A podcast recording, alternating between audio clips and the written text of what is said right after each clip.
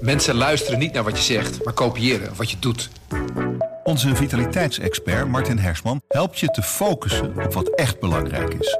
Beluister en bekijk Martin of een van onze andere experts op businesswise.nl. Businesswise, het nieuwe platform voor iedereen met ambitie. Dit is de AD Nieuws Update met Manuel Venderbos. Vanwege de avondlockdown mag er de komende weken na vijf uur niet gesport worden. En dus is het vroeg uit de veren om voor het werk toch die workout in een sportschool te doen.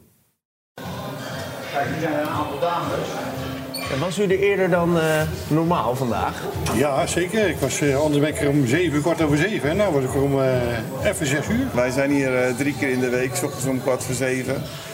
En je ziet nu wel dat er veel meer mensen zijn. Onze verslaggever Jelle Akerboom is nu in sportschool Highline in Schravenzande. Jelle, hoe druk is het daar nu? Goedemorgen. Nou, nu valt het mee, maar om 6 uur was het hier al uh, vrij druk. Net kwamen nog een aantal scholieren naar binnen die voor school nog even snel uh, willen sporten. Nou, naast mij uh, Tom van der Heijden, mede-eigenaar. Ja, hoe merk jij die drukte? Is het echt drukker dan normale maandag? Ja, ja, ja. ja. We hebben het afgelopen weekend hebben we sorry, met afgelopen weekend hebben we met de leden gecommuniceerd dat we eerder open zouden gaan. En je ziet dan gelijk dat uh, ook scholieren en ouderen of mensen die werken, die dan eventjes nog voor de werk komen sporten. Want ja, om vijf uur uh, gaat de deur dicht. Ja, en normaal ga je het liefst na het werk natuurlijk sporten. Ja, dat klopt. Samen is het altijd, in elke sportschool is het, is het primetime uh, met de fitness en met alle lessen en met de spinning. Ja, dat moeten we nu even gaan verschuiven naar, naar s morgens. We hebben ze wel in de gelegenheid gesteld om virtuele lessen te doen. Dus alle lessen die er normaal gegeven worden s'avonds, kan je ook op een scherm volgen. Dus een yogales, een uh, aerobicsles of een spinningles. Dus dat gaat nu vandaag hopelijk gebeuren. Wat zijn dat vooral de consequenties, dat je van alles moet omgooien? Uh, Hester, mijn compagnon, is het hele weekend bezig geweest om alle roosters uh, om te zetten, alle mensen te benaderen. Want we hebben ook nog twee bodytech studio's. Nou ja, dan moet ook alles verschoven worden, ook met het personeel. Nou hebben we het geluk dat we, we hebben A, hebben we hele loyale leden, maar we hebben ook heel loyaal personeel. Want anders is het bijna niet te doen. Het is niet te doen. Hoe doe je dat met personeel? Want die moeten natuurlijk ook hun uren maken, terwijl je een stuk minder uren open bent. Nee, dat klopt, dat klopt. We zijn in de weekenden gaan we nu ook langer open. En uh, ja, ze moeten nu de uren achter elkaar uh, proppen. Maar ja, daar kwamen ze zelf mee van, joh Ton, uh, we willen dit en we doen dat. Want ja, we willen allemaal overleven. En het is nu pomp of verzuipen. Wat vind je nou van die regeling, dat je nu om vijf uur dicht moet? Uh, wat ik ervan vind, ja, op een gegeven moment, je gaat het, uh, je gaat het bundelen. Hè? We moeten eerder dicht, maar daardoor gaan we ook eerder open om toch de mensen uh, te willen te zijn. En die komende drie weken, hoe ga je die tegemoet? Ja, afwachten, luisteren. We, hebben al, we zijn nu al twee jaar onderweg. We hebben al een aantal lockdowns meegemaakt. De tweede lockdown zijn we met allemaal tenten buiten bezig geweest. Met een spinning tent, met een fitness tent. Dat gaan we nu niet doen.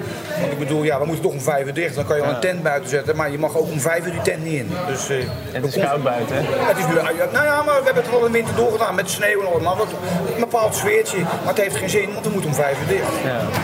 Dankjewel, heel veel succes, succes de komende tijd. Ja, en het is niet anders. Als je wil sporten, dan moet dat nu. Als je werkt, voor het werk. Of uh, tijdens het werk, Jelle. Uh, vanuit uh, Schravenzande, dankjewel. In New York begint vandaag het proces tegen Ghislaine Maxwell, de ex van Jeffrey Epstein. Ze zou jonge meisjes voor de multimiljonair hebben geronseld. Maxwell is onder andere aangeklaagd voor vrouwenhandel. Amerika-kenner Victor Vlam volgt de zaak. Victor, welk bewijs is er tegen haar? Uh, er zijn uh, vier uh, getuigen, vier meisjes die zeggen een slachtoffer te zijn van Jeffrey Epstein. En die zullen ook vervolgens getuigen in dit proces tegen um, Maxwell. wie die vier meisjes zijn, dat is op dit moment niet bekend. En dat zal in drie van de vier gevallen ook niet bekend worden gemaakt, omdat ze anoniem willen blijven. maar dit zijn meisjes die zeggen dat ze in de periode 1994 tot en met 2004 zijn geronseld door Ghislaine Maxwell om vervolgens seks te hebben met Jeffrey Epstein. En dan moet je bijvoorbeeld bedenken dat dit meisjes zijn die zeggen dat Ghislaine Maxwell ze bijna de bioscoop heeft genomen, met ze is gaan winkelen, een vertrouwen heeft gewonnen, ze ook geld heeft gegeven om ze het gevoel te geven dat ze in het krijt staan bij haar en bij Jeffrey Epstein, om ze zo te groomen als het ware, om vervolgens seks te hebben met Jeffrey Epstein. Dus deze vier meisjes, dat zijn de belangrijkste getuigen. Ja, en je zegt dus drie daarvan die blijven anoniem. Is dat, komt dat vaker voor bij zulke soort grote rechtszaken? Ja, dat komt bij dit soort uh, zaken inderdaad wel vaker voor. Uh, er zit natuurlijk heel veel publiciteit uh, omheen. dit zijn inmiddels vrouwen die toen de tijd minderjarig waren, maar die natuurlijk een, inmiddels een stukje ouder zijn, die een leven hebben opgebouwd en die ja, met, met, met enige vrezen hier natuurlijk wel naar uitkijken naar dit proces. Want er is ontzettend veel publiciteit die eromheen zit. Dus om hen te beschermen tegen alle nadelige gevolgen van die publiciteit, mogen ze anoniem blijven. Ja, Maxwell is dus de ex-vrouw van de inmiddels overleden Jeffrey Epstein. Dat vind ik al opvallend. Wanneer en hoe kwam deze zaak aan het rollen? Nou, deze zaak kwam uh, natuurlijk al een aantal jaar geleden aan het uh, rollen. Want uh, we weten eigenlijk al een hele lange tijd dat Jeffrey Epstein iemand is die dingen deed met minderjarige meisjes die echt niet door de beugel konden. Um, daar is hij natuurlijk in 2005 en 2006, daar zijn ook heel veel ja, documentaires inmiddels over gemaakt. Is hij daar eigenlijk met een hele, hele lichte straf mee weggekomen. dit is concreet aan het rollen gekomen toen hij gearresteerd is en dat hij in die cel, dat is twee jaar geleden inmiddels, dat hij toen de tijd um, zelfmoord heeft gepleegd. Nou, toen gingen mensen toch kijken van ja, maar wacht eens even, zijn er ook andere mensen in de omgeving van Jeffrey Epstein die hem hebben geholpen om dit uh, voor elkaar te krijgen? En toen keken mensen massaal naar uh, Ghislaine Maxwell. Dus toen is het spotlight op haar gekomen. Uh, inmiddels heeft zij 17 maanden in de gevangenis doorgebracht. zij heeft in voorarrest gezeten. Ze heeft in isolatie gezeten. in, een, in een behoorlijk hard regime. Het is een onplezierige gevangenis om in te zitten.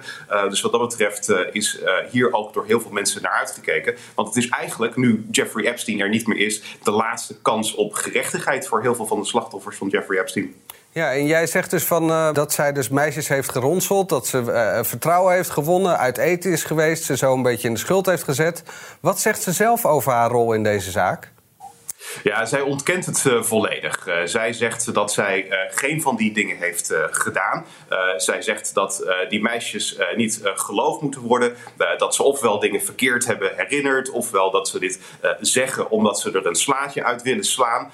dus zij gaat volledig de geloofwaardigheid van die meisjes aanvallen.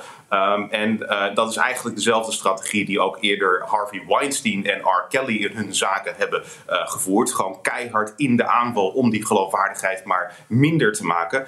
Uh, dat was in die twee voorbeelden die ik net noemde niet de beste strategie. Om niet te zeggen dat die mensen gewoon wel zijn veroordeeld. Nou ja, of dat gaat gebeuren bij Ghislaine Maxwell, dat moeten we nog maar even afwachten. Um, maar uh, ja, haar advocaten zeggen van Jeffrey Epstein is dood. De, de, de aanklagers die zijn uh, gefrustreerd over het feit dat, dat, dat er niemand is die ze kunnen berechten. Dus zetten ze maar de spotlight op Ghislaine Maxwell. zij vindt het compleet onterecht dat zij hiervoor verantwoordelijk wordt gehouden. Aan de andere kant, wat tegen haar spreekt... Maxwell is vorig jaar juli aangehouden... maar lange tijd was ze onvindbaar voor de autoriteiten.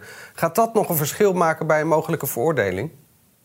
Um, dat zou inderdaad uh, kunnen. Zij is toen de tijd uh, zoveel mogelijk uit uh, de publiciteit en ook eigenlijk gewoon totaal verdwenen, omdat zij ook wel de bui voelde hangen daar. Um, dat, dat, dat bleek dus niet helemaal onterecht te zijn. Of dat echt een effect gaat hebben in dit proces, dat moeten we maar even afwachten. het is op zich natuurlijk niet heel vreemd dat iemand die vreest dat um, ze, ze, ze uiteindelijk gepakt gaat worden door justitie, dat, dat, dat die een beetje daarvan probeert weg te blijven. Dat is niet per se een schuldbekentenis in ieder geval. Uh, dus of dat in die zin een rol gaat spelen, dat, uh, ja, dat moeten we maar even afwachten. Uh, maar ja, het is wel natuurlijk hartstikke duidelijk dat Ghislaine Maxwell iemand is die heel veel informatie heeft. Het, het, interessante aan dit proces is namelijk ook wel dat het gaat natuurlijk niet alleen maar over Jeffrey Epstein. Het gaat ook om de rijke vrienden van Jeffrey Epstein eigenlijk wat heel veel mensen willen weten is van... is Bill Clinton ooit naar dat privé-eiland geweest? Uh, hoe is Donald Trump betrokken geweest bij de affaires van, van Jeffrey Epstein?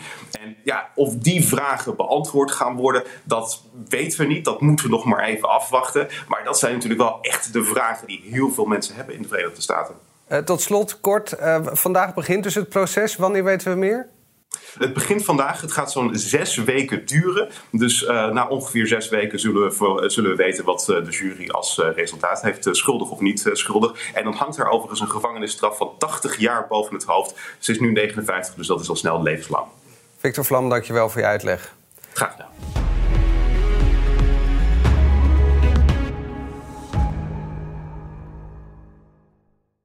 Loop jij rond met het gouden business-idee? Of het nu een winkel is, een app of een product waarmee je de wereld wil veroveren?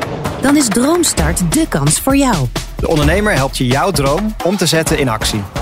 Ga nu naar droomstart.nl en meld je aan. Een goede spreker herken je aan de Q&A aan het eind. Onze lifehack-expert Martijn Aslander geeft je adviezen waar je echt wat aan hebt. Beluister en bekijk Martijn of een van onze andere experts op businesswise.nl. Businesswise, het nieuwe platform voor iedereen met ambitie.